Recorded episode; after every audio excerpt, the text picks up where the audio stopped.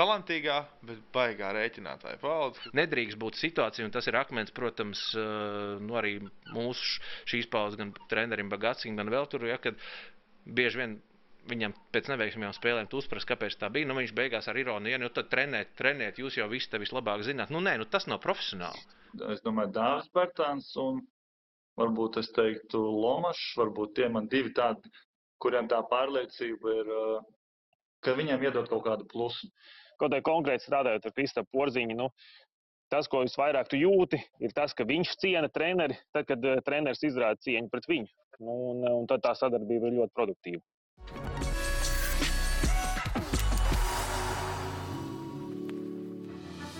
Esiet sveicināti! Mani sauc Reinis Ošanieks un esmu viens no sporta studijas vadītājiem. Man ir tas gods jūs eh, sveicināt sporta studijas podkāsta otrajā epizodē. Nu, lai piedod man valodnieki, es nezinu, kādu laiku būs jā, jāpierod pie tā raidieraksta nosaukuma, bet man kaut kā mīļāks eh, ir šis podkāstu nosaukums. Tas tāpat kā basketbolā. Mēs zinām, ko, no, ko nozīmē pick and roll, tāpēc bieži vien labāk arī izmantojam tieši pick and roll. Un tur es domāju, ka šodien tam piekritīs arī šodienas ciemiņi. Eh, tuvojas izšķirošās spēles vīriešu basketbolā, kā zināms, dāmas nesen izdarīja savu mājas darbu, bet eh, beigās eh, no, novembrī izlieto ūdeni izdevās sasmelt, sasmelt bet Grieķijas-Bulgārijas mačā beigās eh, tās pretinieces eh, izdomāja to ūdeni vēlreiz izliet un Eiropas čempionāts dāmām iet secen. Vīriem gan vēl ir iespēja aizķerties un ir Eiropas čempionāta izšķirošajās cīņās ir iespēja nopelnīt ceļzīmi uz Eiropas čempionāta fināla turnīru. Eh, sākumā iepazīstināšu jūsu ar šīs dienas viesiem. Runāsim, protams, par basketbolu. Vairāk fokus būs uz vīru eh, basketbolu izlase un sāksim ar to, kurš mums ir šeit klātienē, Latvijas televīzijas Aķisalā. Cilvēks, kurš piedzīvojis treknos gadus basketbolā, piedzīvojis arī krīzi, peldējies čempions šampānietī ir spējis arī ielūkoties tajā uh, tukšajā maciņā, kas uh, ir palicis uh, kluba, uh, kluba, kluba um, rīcībā. Un, uh, šobrīd neitrāli, bieži vien tādu skarbu viedokļu īpašnieks. Un, uh, jāsaka tā, ka arī mani viņš savā ziņā pārsteidz. Izrādās, šobrīd ar mūziku nodarbojas Girts Kalniņš. Es sveicināts. Sveiki visiem. Jā. jā, vai šobrīd, kad tu varbūt iepazīst, kaut kāds jauns iepazīst, iepazīšanās ir, tad ir kādam pārsteigums, ka tu saki, es esmu bijušais ģenerāla menedžers ASK Rīga komandā. Viņš saka, o, basketbolā, ģenerāla menedžers. Latvijā laikam grūti kādu pārsteigt. Nu, varbūt pavisam jaunā paudze, iespējams, kas, kas nepieredzēja tīri objektīvi apsvērumu pēc tos, tos laikus, tad jā, varbūt pamazām sāk aizmirst, bet uh, ārzemēs, man, kur man pāris projekti, tur man darījumu partneriem, tad um, jā, reizēm pārsteidz ar to, ka es biju ar basketbolu cieši saistīts gan, gan, gan menedžmentu, gan vēl senāk arī spēlēšanas līmenī. Tā kā, tā kā jā, kaut kāda pārsteiguma gadās, bet ne Latvijā. Labi, mēs pieslēgsimies arī Liepājai un Rezeknei. Sākam ar uh, Latvijas uh, jūras piekrasti Liepāju, un tur Artūrs Visotskas Rubens, tre, basketbola treneris šobrīd Liepājā ar U18 Latvijas izlases izcīnījis sudrabu, un, protams, bijis arī Latvijas izlases viens no treneru asistentiem. Šobrīd izcieš karantīnu, un šodien, šodien pavisam drīz tuvojas karantīnas beigas. Čau, Artūr! Sveiks! Nu, kā tad ir? Uh, ir tāda laba sajūta šodien, kad tiks ārā beigās no karantīnas un izies svaigā gaisā. Uh, Nē, protams, galvenais jau gribās tikt atpakaļ tajā basketbola zālē. Tas jau tur, kā teikt, mājās arī ir ko darīt. Gan video var griezt, gan arī ar ģimeni varbūt laiku pavadīt. Bet uh, pats svarīgākais tagad ir atgriezties atpakaļ uh, basketbola zālē.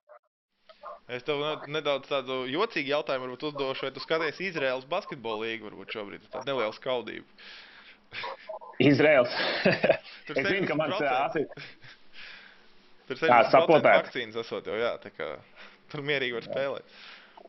Nu, redz, nu, mums viņiem ir tāda apstākļa, viņi jau saprotēti. Mēs neesam vēl tā kā mums jābūt tajos apstākļos, dzīvojam tajos apstākļos, kādos esam. Tā kā cerams, ka drīz varēsim atpakaļ normālā ritmā. Mm -hmm. Tagad lidojam uz Rēzekni. Tur Latvijas izlases basketbolists Žanis Peiners, kurš šobrīd uh, atgūstas no savainojuma. Un, uh, viņš uh, zina, ka vienā maisā bumbas nevar turēt. Tad, kad nevar spēlēt basketbolu, tad ir jādomā kaut kas cits. Un šobrīd uh, nodarbojas ar ēdienu piegādi Reizeknē. Čau, Žani, pastāst, jā, varbūt kā veselība un kā biznesā. Uh, nu, veselība tā, uh, gribējās labāk, protams, jau kaut kā cerēja, ka jau varbūt sezonas sākuma būs gatavs, bet izstāsta, ka vispār šo sezonu nebūs gatavs, tā kā basketbolu tā, bet um, ar piegādēm viss ir kārtībā. Tagad uh, ir cilvēks, kurš tur manā vietā visu dara, nodarbojās. Kā es principā tikai tā attālināti sekoju līdzi, vai viss mums tur ir kārtībā, ko da lēmumu pieņemšanā, teiksim, tā varbūt piedalos, bet uh, viss notiek. Tā kā, jā, ir ko darīt arī visādas citas lietas, tā kā izbauda arī parasto cilvēku dzīvi, bet, uh, bet nu jā, basketbolā labprāt jau atgrieztos, ja būtu iespēja, bet šobrīd vēl nesnāk. Jā. Vai ļoti dārgi būtu uz Rīgu tagad pasūtīt kaut ko ēdam no tevis? nu, ēdiens pats ļoti lēts rēzaknē, nevar salīdzināt ar uh, Rīgas tā kā iestādēm, bet, nu, Tur piegādīt gan samaksās. demokrātiski. Tā kā es domāju, ka, uh, ja tu no dārgākā Rīgas restorāna sūtītu vai no Rēzaknes ar piegādi, es domāju, mēs varētu pak pakonkurēt.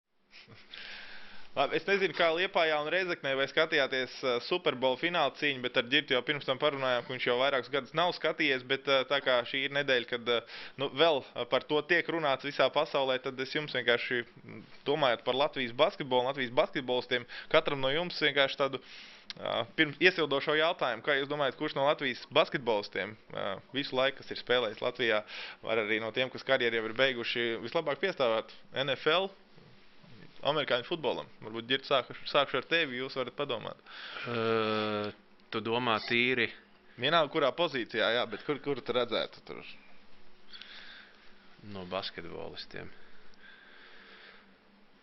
Nu, Es domāju, ka Kambis varētu mēģināt noteikti būt kādā no šīm te droši vien uzbrucēju pozīcijām vai, vai, vai, vai aizsardzības līnijā. Um, nu, nu, droši vien, ka Valdis Valters varētu būt quarterback pretendēt.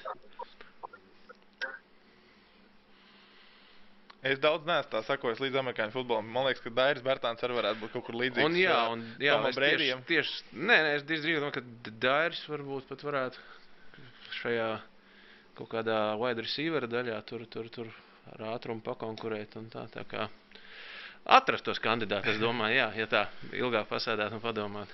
Artur, kā treneris skatījums? Nu, es liktu uz Kristapu Dārgo. Es nezinu, tās pozīcijas tur amerikāņu futbolā, kādas mums ir, bet viņš būtu ļoti labs, kurš tur aizskrien projām, saņem tās tālās piespēles, tur izlaužās cauri kaut kam. Tā kā es domāju, ka Kristaps Dārgais 100% varētu. Jā, viņš varētu tādā Darbojas. Gronkovska, tādu eh, Gronkovska lomu varbūt tās tiešām, jā, viņš pēc auguma var atbilst un viss, jā, varētu būt, citu, lab, lab, labs, labs punkts. Labi, Žāni, tu sevi liksi vai kāds cits? Es savu čomiņu Ričmondu ielikšu. Domāju, viņš, ir, viņš varētu tajā aizsardzības līnijā pastāvēt ar saviem tur 125 kg. Es domāju, ka tas man tāds pirmais, kas prātā. ienāk. Gan jau, ka citus ar kaut kur var tur uh, pievilkt klāt, ja, ja, ja sagribās. Ričmonds Vildi ir tas, par kuru runā Žanis, un īsumā jau Japānā arī amerikāņu futbols ir populārs. Gan jau, ka kāds ir mēģinājis viņu pārvilināt arī tad, kad viņš Japānā spēlē, bet nu jau karjeru beidzas, un arī šobrīd ar uzņēmēju darbību nodarbojas Žanis Pēneris. Bet mēs, protams, runāsim par Latvijas eh, vīriešu basketbolu izlasi, atskatīsimies eh, uz senākiem notikumiem, eh, arī uz pāris uzvarām, kuras, kuras ir bijušas, piemēram, 2009. gads vai 2019. gads, ar desmit gadu starpību uzvara rokās, bet laukuma pamet kā zaudētāji ar nolaistām galvām, un arī par dažām izšķirošām spēlēm, kuras nu, būt vai nebūt, ar tikšanu tālāk, kur un dažādu iemeslu dēļ mēs esam piedzīvojuši zaudējumus. Nu, piemēram, atskatīsimies 2013. gads, kad otrajā kārtā mēs zaudējām Beļģijai spēli, kur nu, nosacīt bija jāņem, lai iekļūtu top 8. Es vakardien arī izdarīju nelielu mājas darbu, paskatījos vecās intervijas. Es daudzās no šīm cīņām esmu bijis pats klātienē un pats turējis kameru un filmējis. Pēc tam, piemēram, Jānis Blūms toreiz saka, Beļģiem neko nevajadzēja, viņi jau bet viņi bija pelnījuši vairāk, kaut kas nebija šodien. Vajadzēja vienreiz laust to stereotipu, ka nevaram uzvarēt izšķirošās spēles, un nezinu, kad būs nākamā reize, kad būsim tik tuvu top 8. To viņš saka 2013. gadā. Vagats toreiz saka, ka kāda jēga ir labai, labai aizsardzībai, ja paši nevaram iemest brīvus metienus. 2015. gads, kad mazajā pusfinālā zaudējām no lieliem plusiem pret Grieķiju, spēle par septīto vietu, kas garantētu vietu olimpiskajā kvalifikācijā, ko mēs pēc tam tāpat arī izcīnījām. Bet uh, Jan Čenoks teica, drausmīga performance, un, un Freimans teica, labs čempionāts ar sūdīgām beigām, salūzām mentāli. uh, Janičenoks mēs nespēlējam kā komanda krīzes situācijā. Tad ir olimpiskā kvalifikācija pēc gada, 2016. gads netiekam uz Rio spēlēm, jo zaudēts izšķirošā cīņā Puerto-Riko. Uh, 2017. gads uh, cīņa par nu, noteikti vienu no vispār visu laiku labākajām Latvijas izlasēm, kas bija tur, zaudējām Slovenijai, nākamajiem Eiropas čempioniem. 2019. gads uzvaram, bet netiekam uz pasaules kausu. Uh, Kristaps Porziņš 2017. gadā pēc tā zaudējuma Slovenijai teica tā, ka nav ko nokārt galvas, basketbols ir tikai, tāda, Latvijas basketbols ir ceļa sākumā un tagad būs tikai vienīgi labāki laiki. Tagad, skatoties uz to situāciju, kur mēs esam nonākuši Eiropas čempionāta kvalifikācijā, skatoties to, ka mēs netikām uz pasaules kausu, vai neesam tomēr soli atpakaļ? Dzird.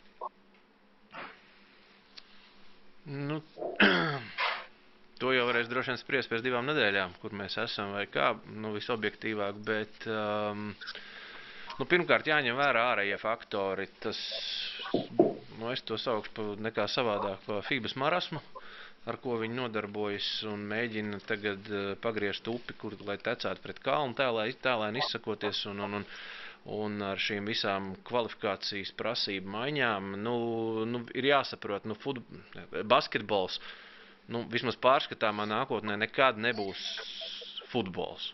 Un, uh, un tas, kas ir pieļaujams vai iespējams futbolā, to basketbolā mums neredzēt vēl jau vairāk. Tāpēc, ka futbolam galvenais plasdarms ir Eiropa, tu te vari noteikt visu, un no Eiropas arī viss tālāk iet. Un, un, diemžēl basketbolā, nu vai par laimi, nezinu, kā no kuras puses skatās, galvenais plasdarms tomēr ir primāri NBA, un, un sekundāri tā ir Eirolīga. Nu, jābūt realistiem un, uh, un, un, un mēģināt kaut kādā veidā ietiepīgi saglabāt šo savu pozīciju par to, ka viņi zina vislabāk. Viņi, protams, zina, kur, kur mūžā nekad nav nevienu centu basketbolā nopelnījuši, bet tikai ir peldējušies sponsoru dāvātajās naudās vai tur, nezinu, jebkurā, jebkāda veida dotācijās, iespējams, pat nezinu, varbūt no, Olim, no Olimpiskās komitejas vai vēl kaut kur. Nu, viņi zinās labāk, kā attīstīt sporta veidu. Nu, es gribētu par to, kā teikt, iebilst. Līdz ar to, līdz ar to es teiktu, atbildi droši vien jāpagaida, bet, uh, bet kopumā, ko, tas, ko šis ir iezīmējis, ir tas, ka. Uh, jā, nu, neko jaunu es nepateikšu, ka, ka tiešām ir. Uh, jādomā par to, kā vilkt klāt vidējo līmeni, lai izkrītot ārā nu, nosacīt top 8 spēlētājiem, kas, kas varētu būt, bet netiek. Nu, 8, 10, es nezinu, kā, kā tur paskatīties. Tad, uh, tad nebūtu situācija tāda, kad mēs esam nonākuši diezgan tādā būt, nebūt kārtējā situācijā, ja, kas, mums, kas mums, paldies Dievam, bet nu, Rīgā jārisina, kas varbūt varbūt šī gadījumā pat ir labāk. Jā. Citreiz tas varbūt arī traucētu, ja būtu nezinu, skatītāji liels spiediens. Tagad nu, visiem apstākļi vienādi, bet nu, tomēr Rīgā spēlēs es pieļauju būtu vieglāk nekā kaut kādā Bosnijā vai, vai, vai, vai, vai, vai nezinu, tajā pašā Bulgārijā, piemēram, izšķirošās spēles. Mhm. Artur, no treneru skatu punktu, kā tu raugies uz to situāciju? Tu jau Facebookā biji ierakstījis tādu emocionālu to uh, ierakstu par to, ka vien, viens punkts, un tu vari būt varonis, un viens punkts, bet visi tevi nopeļ. Bet nu, tāds ir profesionālais sports. Taču, nu, kā jūs uzskaitījāt, mums tur Latvijas basketbola līdz vairāk šādas cīņas ir. Kā tur augies to, kur šobrīd ir Latvijas basketbols? Vīrieši. Es noteikti neesmu, negribētu būt tik pesimistisks. Es uzskatu, ka nu, komanda nekad neveido no desmit superstariem. Un, uh, līdz ar to ir vajadzīgs tas vidējais uh, līmenis, protams, tā kā arī teica jau uh, iepriekšējais runātājs. Un, uh, bet šobrīd Latvijā paskatīsimies, nu, nu, cik mums ir tie Eirolandes un cik NBA spēlētāji. Ja mēs vienreiz, vai pat, ja mēs dabūtu katru reizi kaut vai vienu, varbūt Eirolandes, vienu NBA spēlētāju uz katru sabraukumu, varbūt tā situācija jau būtu daudz, daudz savādāka. Jo tomēr mūsu arī vidējais līmenis, tas pats Aigars Šķēle, jaunais Kristers Zorigs, Māreks Meijeris, nu, kāpēc viņš sauc varbūt par vidējo līmeni? Viņi arī ir top klases sportisti, kuriem ir savas kvalitātes, un varbūt vienkārši tai komandai pietrūkst viens cilvēks. Nu, tātad, nu, situācija ir tāda, ka uh, tie sabraukumi nu, ir šobrīd tas FIBA formāts, kā viņi ir izvēlējušies, bet uh, mēs jau neko nevaram darīt. Tāpēc mums vienkārši jāmēģina risināt to, ka uz to katru sabraukumu, es domāju, to vienu varbūt Eirolandes vai nu, spēlētājs visam, ka Eirolandes varam dabūt. Nu, tā sajūta, man liekas, varētu būt tāda salīdzinājuma, piemēram, ka tu esi ārzemēs, kur tu zini, ka tev kontā uz kartes ir ļoti daudz naudas, bet tev nav bankomāta, kur viņi izņem to naudu, un, principā, un tev ir tikai 100 dolāru kabatā, un tu īsti nevari tur nedēļu izdzīvot to, to, ar to, ar to naudu, kas tev ir pieejama. Tā sajūta, ka aiz muguras tev man jau viss ir kārtībā. Žani, kā tu raugies šo situāciju? Kā no spēlētāja perspektīvas? Nu, vispār es gribētu teikt, ka man liekas, ka tas nedaudz pievilkts ir, ka mēs rekur zaudējam vienmēr izšķirošās spēles, jo vienmēr uzvarētājs ir viens un teikt, ka mēs zaudējām Slovenijai, jā, mēs varējām zaudēt finālā, mēs varējām zaudēt ceturdaļas finālā, un tādu notikumu ir daudz.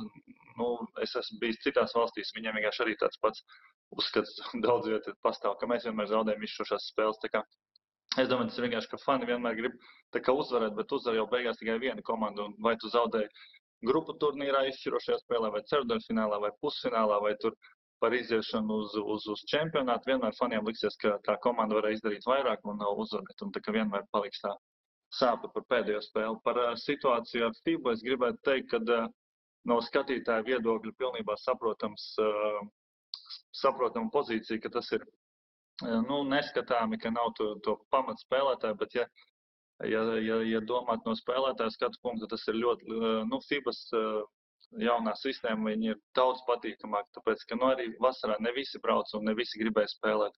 Nevar teikt, ka vasarā, ja būtu tie logi, tad būtu visi vienmēr labākie. Nu, nebija tā pēdējo reizi, pat uz to, man liekas, Eiropas čempi bija tik daudz traumas un tik daudz šo spēlētāju, uh, tas īsti pat, nu, nav beigās starpība, vai ziemā vai vasarā tāpat nevienmēr visi būs Otrakārt, ļoti daudz spēlētāju, nu, es arī no savas skatu punktu, nu, ja tu spēlē tur noscīt no jauniešu izlasēm un tev neviena vasara nekad nav brīva, un tev paliek kaut kādi tur 30 gadi, kad tev jau ir ģimene vai bērni un tā tālāk, tu atbrauc no ārzemēm un tev divu mēnešu vēl jābrauc nu, nosacīt uz kaut kādu tur Liepāju, Valmieru vai vēl sazinu Turciju vai vēl kaut kur uz kādu nometni, tur trenēties, gatavoties. Nu, tas nav tas, ok, nu, tas ir vienreiz čempionāts, jā, bet tas ir katru vasaru kaut kādas kvalifikācijas katru vasaru čempionātu. Tas vienā momentā tomēr arī skaidrs, ka rada traumas, rada kaut kādu varbūt to nu, neapmierinātību no spēlētāja puses, tāpēc viņi pēc tam sāk atteikties un tā tālāk. Tā kā es domāju, ka FIBA sistēma ir ok. Vienīgā problēma ir, protams, tas, ka nevar sarunāt ar Eirolīgu. Es domāju, to būtu pilnībā pietiekami jo tomēr pamats valstīm visām ir pietiekami Eirolandes spēlētāji, lai viņi visi tiktu uz Eiropas vai pasaules čempionātu. Es domāju, arī šī sistēma, kā tagad trīs no četrām komandām tiek ārā, nu, es domāju, ka mēs tiksim un, un, un, un mums pietiks to resursu, jo tomēr trīs no četrām tikt un tas tomēr nu, kaut kādām rezervēm ir jābūt. Ja mēs netiekam, tas nozīmē, ka nu, varbūt mēs neesam tomēr tik laba basketbola valsts šobrīd. Kaut arī, protams, skaidrs, ka ar pamatu visiem džekiem mēs tiktu un mēs arī būtu labā vietā, bet uh, Nu, es domāju, ka jāpielāgojas sistēmai, ne mēs vienīgi. Tāda arī citām valstīm bija problēmas. Tur, nezinu, Serbija zaudēja kaut kad Igaunijai un, un vēl sazina kāda Slovenija, taču, man liekas, arī viņiem tur bija problēmas. Liels Horvātijai bija liels problēmas ar kvalifikāciju. Jā, viņi kā esošie Eiropas čempioni vēl zaudēja pat kārtas vairākas. Žāni, es ļoti labi sapratu, jā, bet uh, Girts arī jau sāk nedaudz mīņāties. Tā runa, protams, ir tā FIBA sistēma ir labi tieši pie tāda nosacījuma, kā, ja līdzīgi kā futbolā būtu, ka visur ir pauzes, visur brauc labākie, un mēs taisām, tagad, nu labi, varbūt pat Nacionāla basketbola asociācija varētu netaisīt pauzes, bet, nu, piemēram, Uh, bet tu, tu runāji par to pielāgošanās situācijai. Es varbūt vienkārši tādu, uh, es pats domāju par tām naturalizētiem spēlētājiem, kas bieži vien ir nodarījuši tieši arī Latvijai pāri, uh, tad, kad mēs uzvaram ar nepietiekamu punktu skaitu vai, vai vienkārši zaudējam. Uh, Traka ideja vakar ienāca prātā, bet vienkārši naturalizēt spēlētājs, kas Latvijā spēlē, piemēram, amerikānis vai neamerikānis, vienalga, bet ar, ar līguma punktu, ka tu nespēlē fināla turnīrā, bet tu palīdzi mums tikt uz fināla turnīru. Un es domāju, ka viņi no vienas puses būtu priecīgi. Nu, kāpēc gan ne, nepārstāvēt? Nu, protams, tur ir atsevišķi spēlētāji, bet kā jūs raugāties kaut kādu tādu? Nu, izmantojam šo situāciju sev par labu, ja FIBA uzstājas šādu sistēmu. Uh, pirms es atbildu uz šo mazu repliku tam, ko Žanis teica, um, nu, pēdējo čempionātu nevar vērtēt, pēdējais, kas bija Eiropas čempionāts, nevar vērtēt kā kritēriju, ka tur ļoti daudz atteicās. Tiešām daudz atteicās, bet es, es domāju, ka atteicās tieši tā iemesla pēc, ka jau bija paziņots, ka no tā čempionāta tu principā vairs tālāk nevari tikt, kā tas bija gan vai uz pasaules kausa vai uz, uh, vai uz, uz olimpiskajām spēlēm. Līdz ar to arī tā motivācija mazliet zuda un mazliet tas, principā, tas Eiropas čempionāta vērtība tādā ziņā tiek degradēta. Un es tev arī piekrītu par to, ka jā, un pareizāk par to, ka primāri būtu tiešām jāatrisina tas jautājums ar Eiropu. Eirolīgu, un ja to varētu sabalansēt līdzīgi kā futbolā, tad jau arī daudz problēmas atkrist. Bet, nu, kamēr, kā, kāpēc teikt, kad, kad, kad lai, lai sarunātos, ir vajadzīgs divas puses. Un, un, un FIBA nevar uzstāt, ka viņi ir paši gudrākie pasaulē, tāpēc arī es to nosaucu, ka viņi to uz, uzvedīja pat tādu marazmātisku mazliet. Tās. Bet tā, tas tā. Bet atbildot uz tavu jautājumu, es par, um, par naturalizāciju vispār uzskatu, ka tas ir uh, kaut kas Dopings. Ne, ne, neloģisks un man nesaprotams. Jo, nu, tad kāpēc mēs natural, atļāvām naturalizēt tikai vienu īstenībā? Kāpēc ne piecus, kāpēc ne septiņus? Nu, tad, tad, ja tā, nu, tad vispār tāda nacionāla izlaša jēga, ka, kā tāda zūd pēc būtības. Un, uh, es tam neesmu teikt, liels piekritējis, izņemot gadījumus tiešām, ja nezinu, spēlētājs aprecās vai, vai, vai viņam tiešām ir, uh, ir nu, nosacīti tiešā rad, radniecības līnija, un tur ir nu, skaidri pierādām tā, tas vēsturiskais, teiksim, kad, kad izcelsme, nu, nezinu, tur tēva mātes, tur nu, līmenī, nu, tādā ziņā, bet, bet tādā, bet, nu, citādā ziņā. Strat, nē, es, es, es esmu pretinieks tam. Tad, tad es saku, tad tas nonivelē, principā tad tas vairs neatšķirās no, nu, tas ļoti pietuvina klubu basketbolam, un tad jau tas ir pavisam cits basketbols nekā izlaša saistībā arī par nacionālo identitāti un tādām lietām. Tā kā es, es to neatbalstu. Uh -huh. Žani, kā tur augies, vai tu gribētu braukt spēlēt uz izlasi, kur, kur ir kāds naturalizētais un ka tajā pašā laikā neņem kādu ļoti līdzvērtīgu, nepaņem sastāvā latviešu spēlētāju? Nē, es pilnībā piekrītu ģirta viedoklim. Pilnībā piekrītu. Es arī tieši, tieši tāpat uzskatu, ka tas nav vajadzīgs nevienam, ne piecus, ne, ne vispār. Nē. Tas man liekas pilnīgs absurds, godīgi sakot. Uh, absurds arī. Nu, vispār no visas skatu, nevis tieši no mūsu, nevis no Latvijas viedokļa, bet vispār no. Jā, Artur?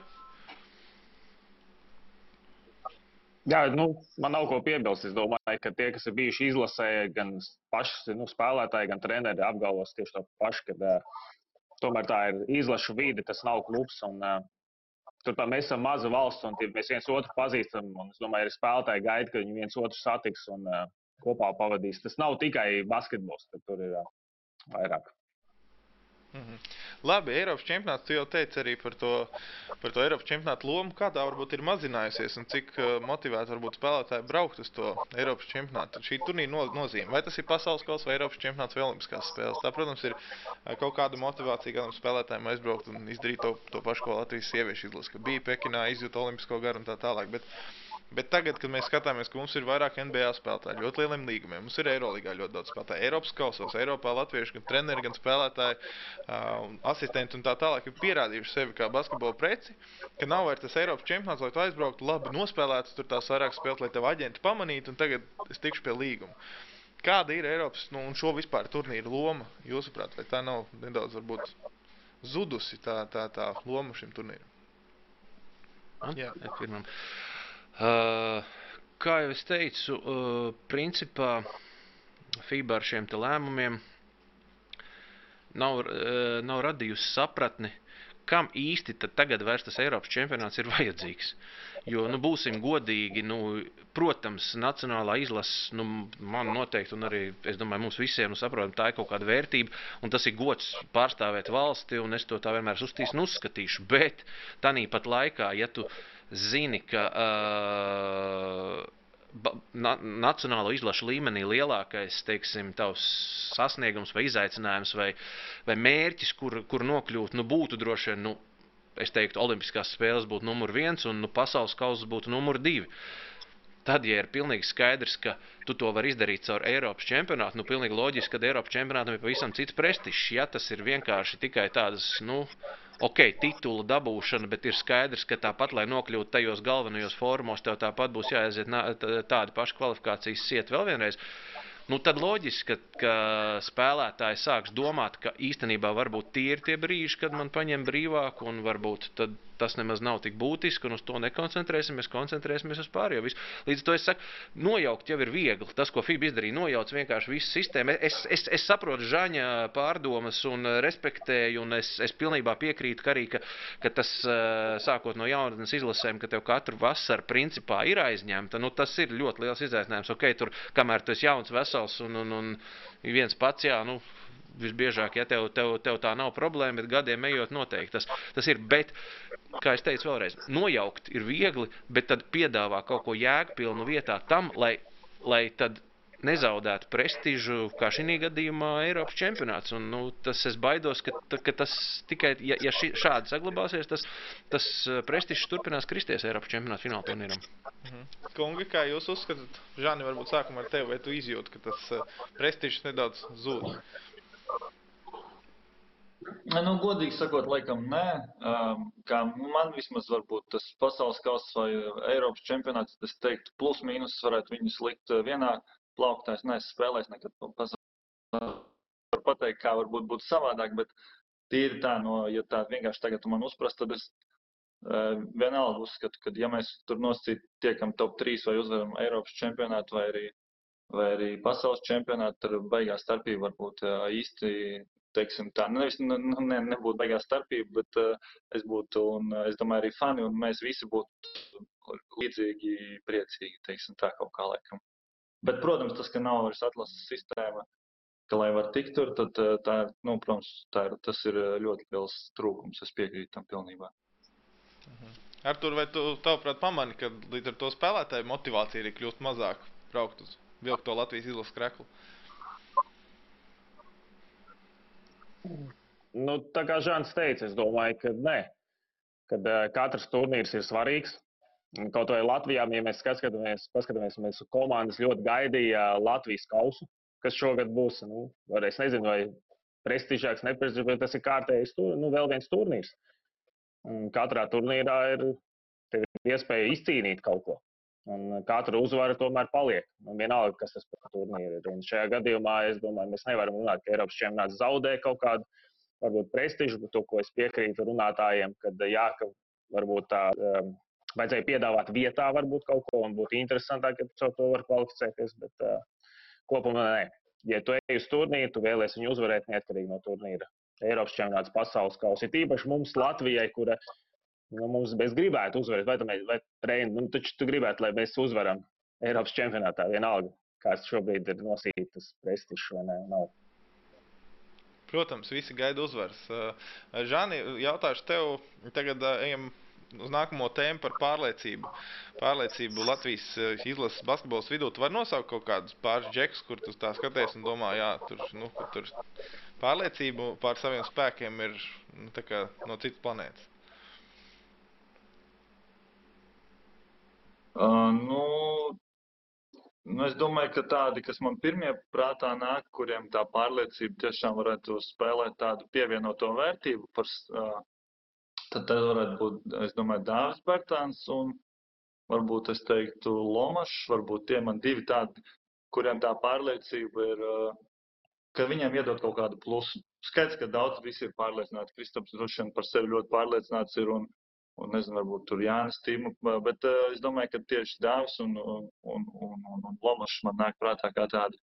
Un pirms tam droši vien, ka tie būtu Janis Čenoks, viņš izcēlās ar ļoti lielu pašpārliecinātību, viņam tas deva, es domāju, arī ļoti lielu pievienoto vērtību. Nu, droši vien, ka Blūms labākajos gados arī varētu būt kā piemērs tam, varbūt iepriekšējo paudzi es tik ļoti nesastapu, bet droši vien, ka arī tur Gambala, gan Kristaps Valters, es domāju, izcēlās ar, nu, kas viņam, viņam tas deva pievienoto vērtību, teiksim tā. Mm -hmm. Artur, no tavas skatu punktu? Nu, jā, mēs varam minēt, protams, es domāju, atkal vēl paudze, varbūt iepriekš tas būtu Štelmahers, jā, un Ainārs Bagats, kur izcēlās arī ar tādu augstu pašpārliecinātību un uh, nosvērtību arī varbūt tādos izšķirošos Atceroties, kaut kādā Aināra Bagāts, ka viņš varēja vienā spēlē tur aizmest 5 trīnīšus pēc kārtas garām, un vienalga viņš metīs sesto, kad kaut kas būs izšķirošais. No mūsdienu spēlētājiem piekritīs Žanim par tiem, ko viņš nosauc, plus droši vien Jānis Strēlnieks, no, kurš arī viņš ir ļoti augstasinīgs, ļoti nosvērts tajos izšķirošajos brīžos. Nu, cerēsim, ka tagad aug arī Zoriks. jā, kur iemet izšķirošo metienu. Un, un arī es teiktu, ka ar to, kas man ir sanācis strādāt, noteikti varētu nosaukt Artūru Žagaru. Jā, varbūt viņam tagad tās nu, pēdējais gads tur divi nav izdevušies tik veiksmīgi, varbūt klubus, klubu uh, klubos, bet uh, izlasē viņš bija ar milzīgu pašpārliecinātību un augstasinību izšķirošajos brīžos.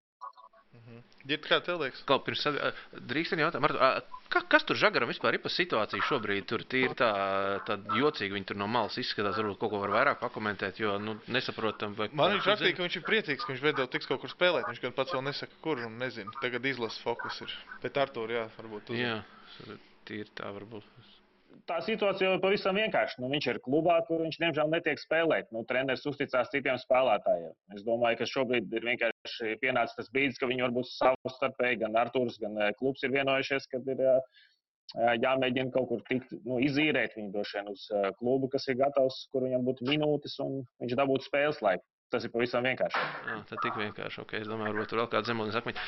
Uh, par pārliecību runājot, um, īstenībā jā, man man, man ļoti patīk, kā Zorigs spēlē. Es, es, es nebiju gaidījis, ka, nu, redzot, kā viņam tur Amerikā, plus, teiksim, tās traumas, divu reizi laikam pat viņam bija arī, jā, uh, un zinot, kāds viņš bija, teiksim, 16, uh, kad likās, ka, nu jā, ka tur būs, un tad, tad, tad, tad varētu teikt, viņš mazliet no tiem radariem nozuda, bet redzēt, ka viņam ne tikai tas viss nav nekur pazudis, bet, bet uh, ir ļoti liels lēciens šajos noticies. Un, teiksim, es, es domāju, ka viņš būs palīgs uz ilgiem gadiem izlasēju. Un, un es ļoti ceru jau, jau tuvākajā sasaukumā arī iedos savu artavu. Pārējos jau kungi droši vien minēja, jā, tur tur. Jā, bet uh, ar ko tas varētu būt saistīts? Jo man liekas, ka ar vien vairāk paliek tādu spēlētāji dažādās pozīcijās, ka tā pārliecība ir tāda jau cieta, jau, ka, ja es nāku, tad es nāku un eju un savu darbu, ka agrāk tur varēja pāris cilvēkiem paļauties, tad šobrīd paliek ar vien vairāk. Es pateikšu, es domāju, es par to esmu daudz domājis, un um, man liekas, uh, tā, tā atbilde varētu būt uh, visdrīzāk tajā, ka uh, sabiedrība vispār mainās un paudzes mainās un uh, būtībā uh, iepriekšējās vēl paudzes, nu, teiksim, pirms, ja mēs ņemam tos 80, 90, 90 gados, kas sāk, teiksim, ja, nu, tā tomēr vēl bija padomju savienības uh, gatavota paudze, uh, kurā, nu, lai tu iegūtu pārliecību tajā sistēmā, kas bija padomju savienībā, nu, tur, tur, tur bija diezgan, tur bija jābūt īpaši stipram raksturam un, un, un uh, droši vien arī meistarībai, jo tev bija jāizsitās no krietni lielākas skaita. Un otrs arī tās metodas, teiksim, kādas tika pielietotas tad, un tas ir, tas ir viens no iemesliem, kas man, kas man Eiropas basketbolā mazliet kremt, uh, ir joprojām šī te bijuši PSRS vai Dienaslāvijas vai nezinu, sauksim tur Obrādoviču vai vēl visu šīs skolas tām, kā, kā tie vecākā paudzes treneri un arī vairāk jaunie, kas ir pārņēmuši to stilu un metodiku, tā drausmīgā bļaušana, aurošana, ārdīšanās, nu, tāda spēlētāja pazemošana. Nu, tas pats ir tūdes brīžiem. Es esmu dzirdējis, ka, ka man te stāstīja, ka Jānis Strelnieks esot cilvēkiem nu, stāstījis, ka grūti spēlēt, ja teiksim ir. Un, nu, nu, man liekas, nu, tas, ta, tas ir viens no iemesliem, kas, kas arī varbūt traucējis ir iepriekš. Un, un, jo nu, spēlētāji arī jāvērtē primāri, tomēr, nu, tomēr viņi ir cilvēku personības un, un, un jāļauj viņiem ir kaut kādā veidā atvērties un izpausties. Un es domāju, ka jaunākai paudzē, jaunākām paudzēm, mainoties paudzēm, paliekot nākotnē jaunajām iekšā, tas, ta, tas virziens kļūst pareizāks. Uh, no viņiem, vairs, viņiem kā teikt, vairs net, netiek likts virsū tik liels spiediens no, no treneriem nu, nu, nu, un tā. Un tas arī varbūt ceļ to pašapziņu un galu galā, nu, jā, nu, un, un ir paveicies, protams, ka Latvijas pirms kāda laika sāka dzimt ļoti daudz talantīgu spēlētāju. Kas ar pats par sevi, protams, atvieglo to stāstu. Jo nu, talants, ja, ja apvienots ar darbu, tad jau nekur nepazudīs. Un, un arī tā pārliecība viņam būs par sevi. Nu, lūk, jā, nākamā nākamā tēma tieši ir par treneru lomu kā tikt ar, jo vairāk to tādu pārliecinātai komandā, ar lielāku ego, ar lielāku pārliecību, ar lielāku talantu, jo grūtāk noteikti ir tikt galā. Un tas, ko tu pieminēji, piemēram, to PSRS bijusī skola un tā tālāk, tad kaut kādas citas metodas nāk līdzi, tāpat, kas, kas liekas ļoti familiārs tev tajā vidā, kur, vidē, kurā tu esi uzaudzis, un tā tālāk. Un es vienkārši nu, prātoju par to treneru lomu. Un tas, ko hokejā ir pierādījis Tets Nolans vai Bobs Hārtlīs, nu, kaut, kaut kādas iezīmes tur tajā var saskatīt līdzības par to, ka nu, tam tam varbūt tam mūsdienu pārliecinātajam sportistam, vienalga, kurā sporta veidā, ir vajadzīgs nedaudz cits metods, kas varbūt neatiec tik daudz uh, tieši uz pašu basketbola spēles zīmēm, kā uz vienkārši tā cilvēka atvēršanu, runāšanu, izturēšanos tā tālāk.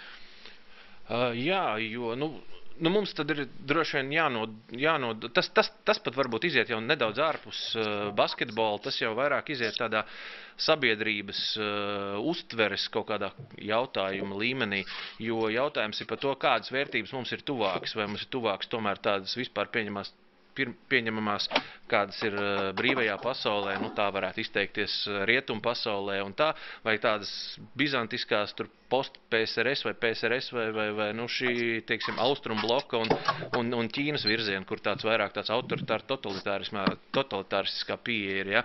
Nu, man, teiksim, viennozīmīgi atbild droši vien būtu tas pirmais, ja, bet, uh, bet tam līdzi ir otra blakne, un tas patiesību sakot ir, um, ir tas, kas, kas varētu, kam būtu jāvelk gan, gan basketbols, gan vispār kopējā sabiedrība uz priekšu, tā ir savā ziņā uh, par, par uh, to, kā tu novērtē šo spēlētāju, teiksim, sniegu par kritiku, par kritikas objektīvu uzņemšanu un par adekvātu reakciju uz, uz pamatotu kritiku un arī uz to, teiksim, eh, vai, ja viņi nav bijusi pamatot, bet arī uz kaut kādu cieņpilnu dialogu starp, starp, starp iesaistītajām pusēm, jo nu nevar būt tā, tā problēma arī tajā, ka, teikt, pareizi, ka tā viena vēl no problēmām ir, protams, tajā, ka uh, tas arī, protams, ir žurnālistu uzdevums uzdot, piemēram, konkrētā gadījumā basketbola treneriem pēc spēlēm, pēc arī neveiksmīgām spēlēm, biežāk pat arī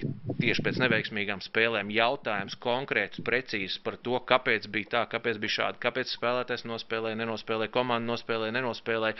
Nedrīkst būt situācija, un tas ir akmens, protams, eh, nu arī mūsu šīs pauzes gan trenerim Bagacim, gan vēl tur, ja, kad bieži vien viņam pēc neveiksmīgām spēlēm uzprast, kāpēc tā bija. Nu, viņš beigās ar ironiju, ja, nu tad trenēt, trenēt, jūs jau visi te vislabāk zināt. Nu, nē, nu, tas nav profesionāli.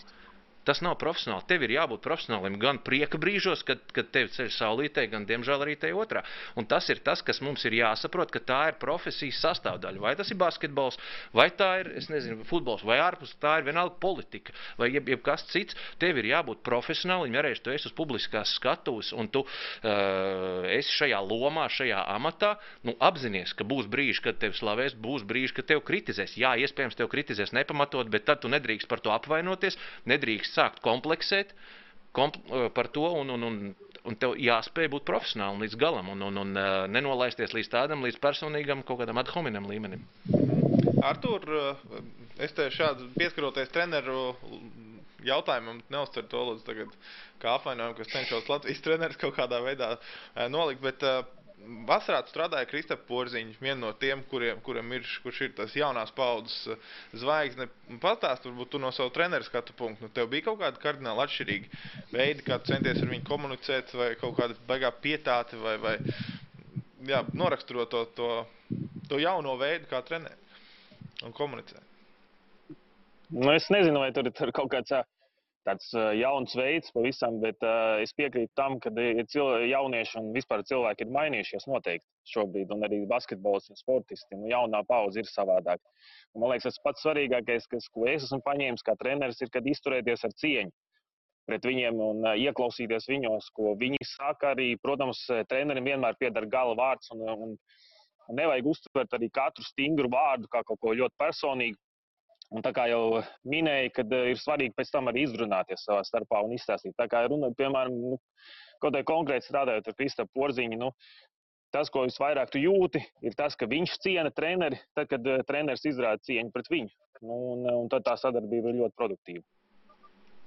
Žani, tu Eiropā esi spēlējis, kā tu draugies uz to, ka vairāk ir, ir jaunās vēsmas par to, ka spēlētāji uzklausa, iz, nu, izrunājas un, un, un, un ir kaut kāds citādāks metods nekā tu pieredzi, ka tu vēl uzaugi jaunatnes līgā spēlēt. Uh, droši vien, ka ir izmaiņas. Viņas varbūt nav tik krasas, bet kā, nu, liela starpība varbūt nav, bet pamazām iet uz labo pusi. Uh, Bet es uh, varu minēt, varbūt kā piemēru, ka pagājušajā gadā man bija treneris, un viņš bija godīgi sasaucis tomēr uh, tāds piemērs, un uh, viņš nesturējās ar cieņu pret spēlētājiem. viņš ļoti daudz skarbus vārdus veltīja visiem pēc kārtas, principā. Un, un, un, un mentāli bija ļoti grūti. Mums kaut arī mēs bijām labākā komanda tur abalīgā, Eiropausā. Mēs visur bijām pirmie. Mums bija ļoti zaud, maz zaudējumu visā sezonā. Bet, tāpat tās, principā, visa komanda visu sezonu bija tik ļoti tādā negatīvā noskaņojumā, pat ņemot vērā, ka mēs visu uzvarējām.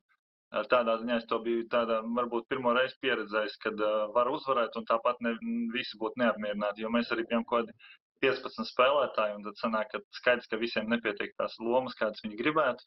Mēs it kā uzvaram, bet uh, statistikas īsti nevienam nav. Treneris visus tā kā tur, nu, teiksim, tā nodirš, un tādā ziņā bija grūti, bet no otras puses bija rezultāts, un šogad Partizānam it kā saglabājās sastāvs, viņi pat, teiksim, tā it kā pastiprinājās, bet uh, viens treneris neaizgāja, paņēma otru, tagad atkal neaizgāja. Man liekas, ja nešaubos, viņi kaut kādā 5. vai 6. abalīgā tikai ir.